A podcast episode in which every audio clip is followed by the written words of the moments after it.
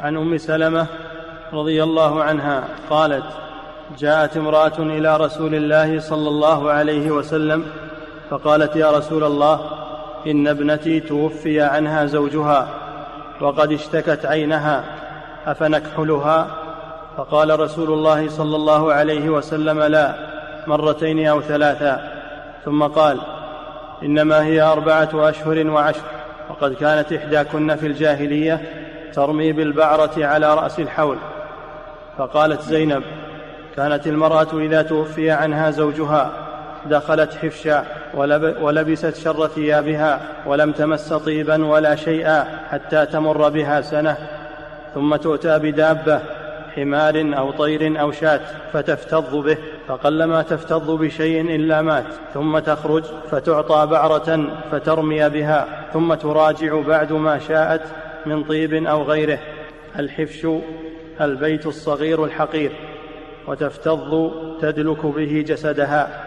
نعم هذا الحديث في بيان المقارنة بين عدة الوفاة في الإسلام وعدة الوفاة في الجاهلية وأنها كانت في الجاهلية شديدة ضيقة فجاء الإسلام وخففها. ويسرها على النساء وذكر بذلك رسول الله صلى الله عليه وسلم. فهذا فيه المقارنة بين الإسلام والجاهلية حتى يعرف المسلم نعمة الله ويعرف سماحة الإسلام ويسره. وما جعل عليكم في الدين من حرج. ولكن ليس معنى هذا أن الإنسان يترك الدين ويقول الدين يسر ويترك الصلاة ويترك الواجبات ويفعل المحرمات يقول لا تشددون الدين يسر. الدين يسر ترك الواجبات وفعل المحرمات. لا هذا ما هو بالدين. الدين يسر بمعنى أن أحكامه ميسرة. ما هو بالدين يسر؟ معناه إنه يترك. تترك الأوامر والنواهي وقال الدين يسر. هذا هذا من هذا من المغالطة والعياذ بالله. الدين يسر في أحكامه وليس يسرا في تركه والتخلص منه كما يطالب بذلك أهل الضلال وأصحاب الشهوات الذين قال الله تعالى فيهم. الله جل وعلا لما ذكر أحكام النكاح والمحرمات في النكاح يريد الله ليبين لكم ويهديكم سنن الذين من قبلكم ويتوب عليكم والله عليم حكيم والله يريد أن يتوب عليكم ويريد الذين يتبعون الشهوات أن تميلوا ميلا عظيما يريد الله أن يخفف عنكم وخلق الإنسان ضعيفا فاليسر هو في التزام الدين والدين يسر ولله الحمد ما فيه من حرج.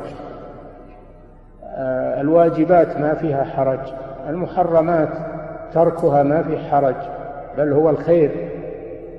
أما أن يفسر يسر الإسلام بالتحلل من أحكامه وترك الأوامر وترك النواهي هذا من المحادة لله ولرسوله. وهذا من عمل أصحاب الشهوات الذين يريدون أن يميل المسلمون عن دينهم وليس الميل اليسير بل ميلا عظيما والعياذ بالله. ما يرضيهم الميل اليسير حتى يخرج الناس من دينهم. يقولون الإسلام يسر ما يلزمكم شيء ولا يمنعكم من شيء. كذا يقولون. وهذا الذي ينادي به الكفار الآن وينادي به عملاء الكفار من المنتسبين إلى الإسلام. يريدون المسلمين يتركون دينهم. حجة أن الدين يسر. الحاصل أن النبي صلى الله عليه وسلم لما سألته هذه المرأة أن زوج ابنتها توفي وصارت في العدة عدة الوفاة أصابها وجع في عينها سألت النبي صلى الله عليه وسلم هل تكتحل؟ من باب التداوي فقال النبي صلى الله عليه وسلم لا وكرر ذلك لا يعني لا تكتحل لأن الاكتحال من الزينة الاكتحال من الزينة فلا تكتحل. والعلاج ليس خاصا بالكحل. هناك علاج للعين غير الكحل فتعالج عينها بالمرهم بالقطرات بالأشياء التي ليس فيها زينة. لم يكن علاج العين خاصا للكحل. بل فيه من أنواع الذرورات وأنواع القطرات وأنواع المراهم ما يكفي عن الكحل لأن الكحل فيه جمال تكحل في العينين.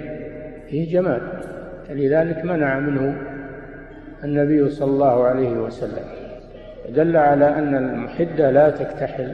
لكن جاء في بعض الروايات أنها إذا اضطرت إلى ذلك تكتحل بالليل وتغسله بالنهار. تكتحل بالليل تغسله بالنهار. أما أن يبقى الكحل عليها في النهار فلا لا يجوز هذا لأن هذا زينة. نعم. فدل هذا الحديث على دل هذا الحديث على مسائل. أولا فيه السؤال أهل العلم. ثانيا فيه أن الكحل من الزينة وأن المحدة لا تكتحل.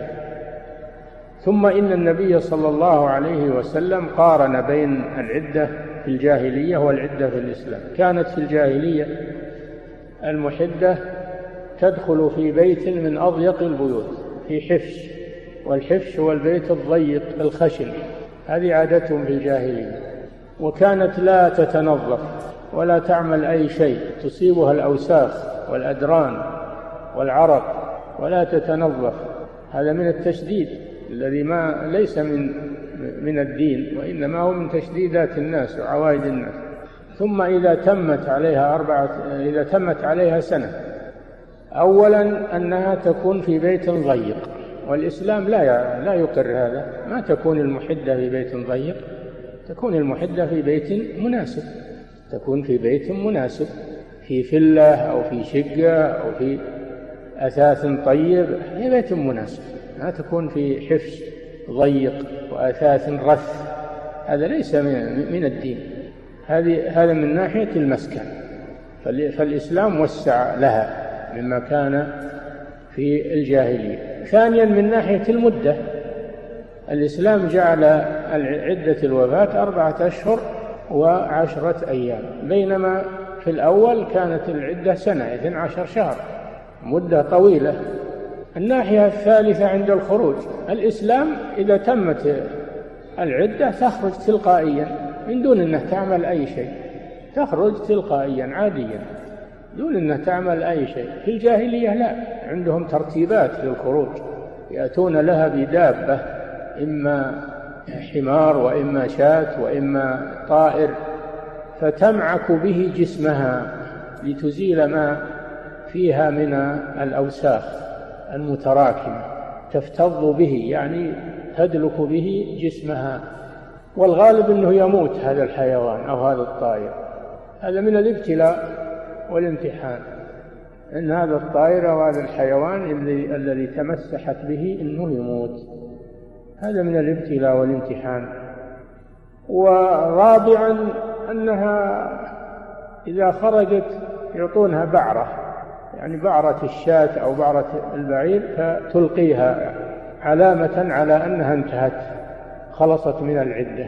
الإسلام لا يرتب شيء من هذا أبدا. إذا تمت عدتها تخرج تلقائيا وخروجا عاديا ليس فيه أي إجراءات. هذا من التيسير تيسير الله سبحانه وتعالى. فهذا فيه بيان التحدث بنعمة الله عز وجل وفيه بيان مزايا الإسلام وأنه دين اليسر. وأن اليسر ليس معناه التخلص من الأوامر معناه معنى اليسر أنه يأتي بالأوامر وبالنواهي على حسب استطاعته.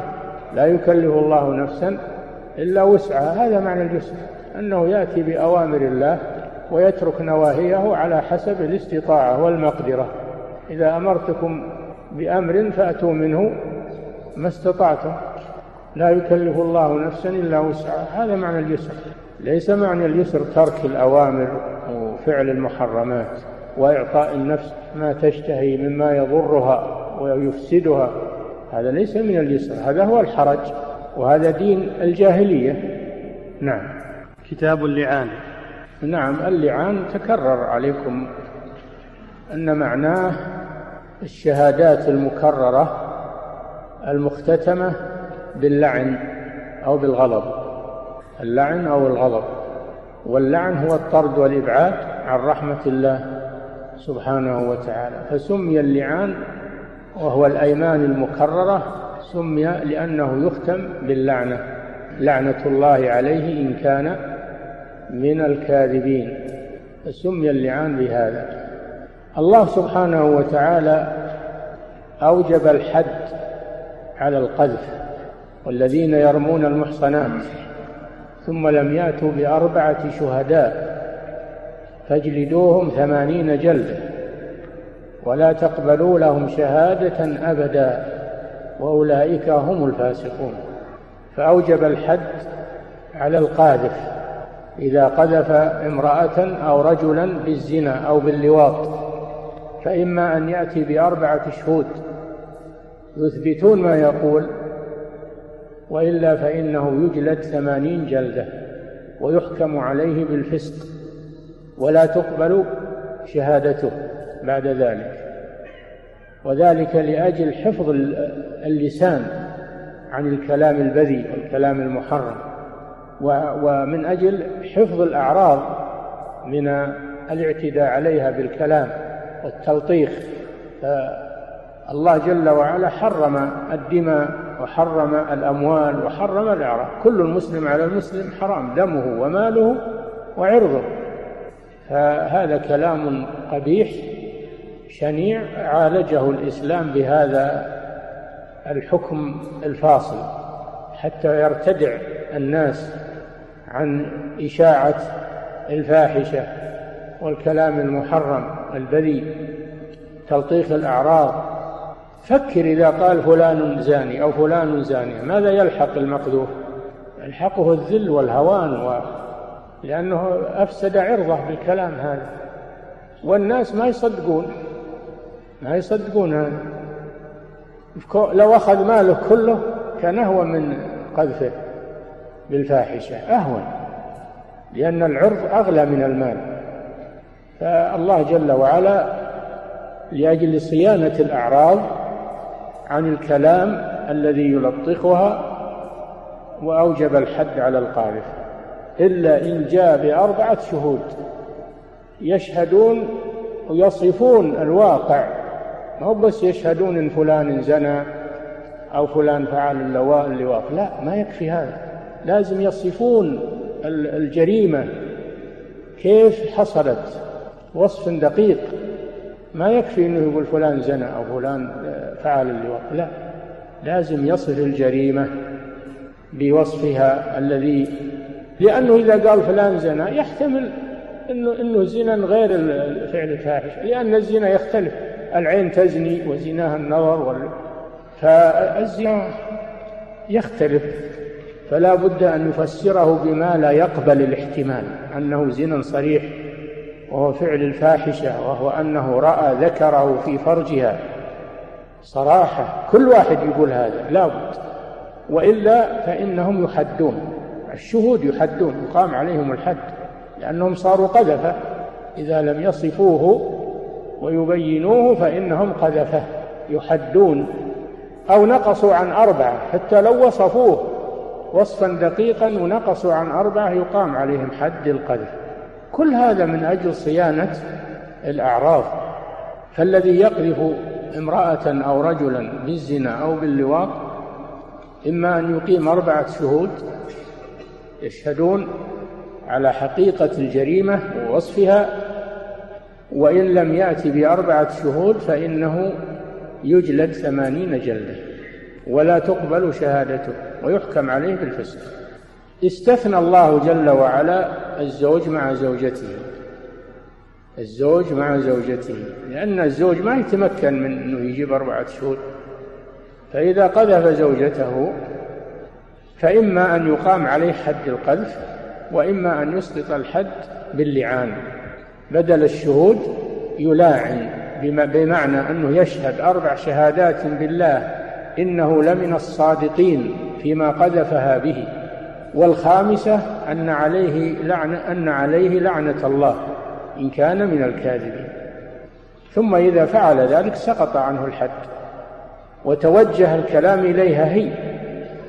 فلها أن تسقط الحد أيضا باللعان بأن تشهد أربع شهادات بالله إنه لمن الكاذبين فيما رماها به. والخامسة أن غضب الله عليها إن كان من الصادقين.